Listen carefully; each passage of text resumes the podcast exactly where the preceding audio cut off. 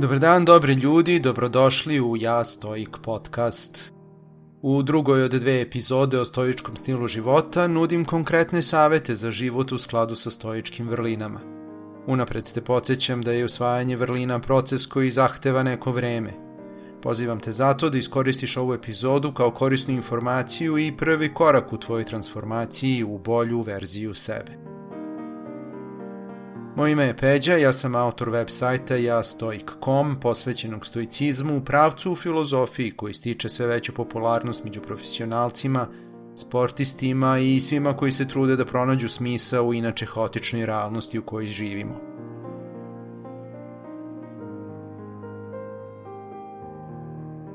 Pokušat ću da sumiram stoički stil života u par jednostavnih saveta.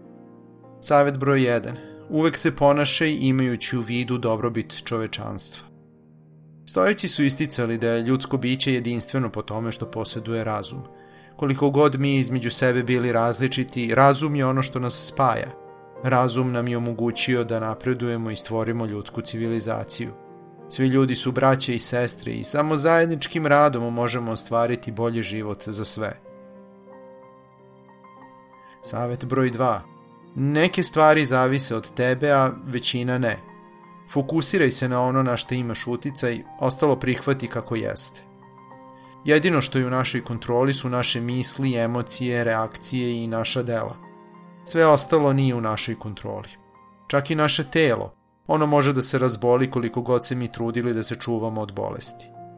Spoljašnje okolnosti i ljudi oko tebe mogu uticati na tvoje stavove, ali ništa ne može kontrolisati misli u tvojoj glavi. Zato je potrebno da nastojiš da donosiš mudre odluke u životu i da radiš sve što je u tvojoj moći kako bi ostvario svoje ciljeve. Desit će se i to da su spoljašnje okolnosti veće od tebe i ne dozvoljavaju ti da ostvariš ono što si naumio. U tom slučaju znaćeš da si uradio sve što je bilo do tebe i tako ćeš izbeći razočaranje zbog odsustva uspeha.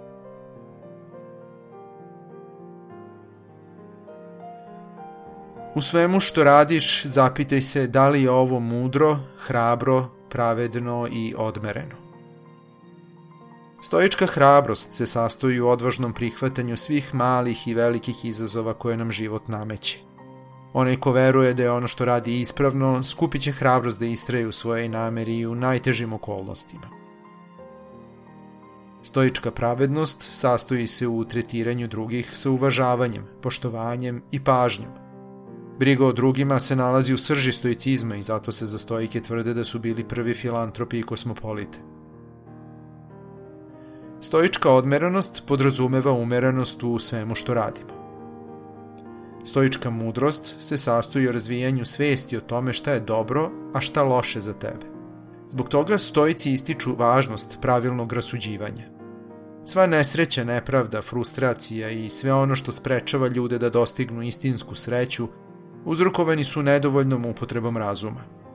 Osnovna svrha stoičke mudrosti jeste da te usmeri ka dobrom, dobrim navikama, mislima, stavovima, željama i što je najvažnije, dobrim odlukama i pravednim delima. Ako ti je ovo o čemu sam pričao bilo zanimljivo, pozivam te da zapratiš Ja Stoik podcast i ja.stoik profil na Instagramu kako bi imao pristup dodatnim sadržajima na temu stoicizma. Takođe, možeš da posetiš jastoik.com website gde možeš besplatno da preuzmeš e-knjigu 50 stoičkih misli koje ti mogu poslužiti kao inspiracija i putokaz za svakodnevni život. Hvala ti što si ostao uz mene do kraja. Želim ti da mudro iskoristiš današnji dan. Carpe diem –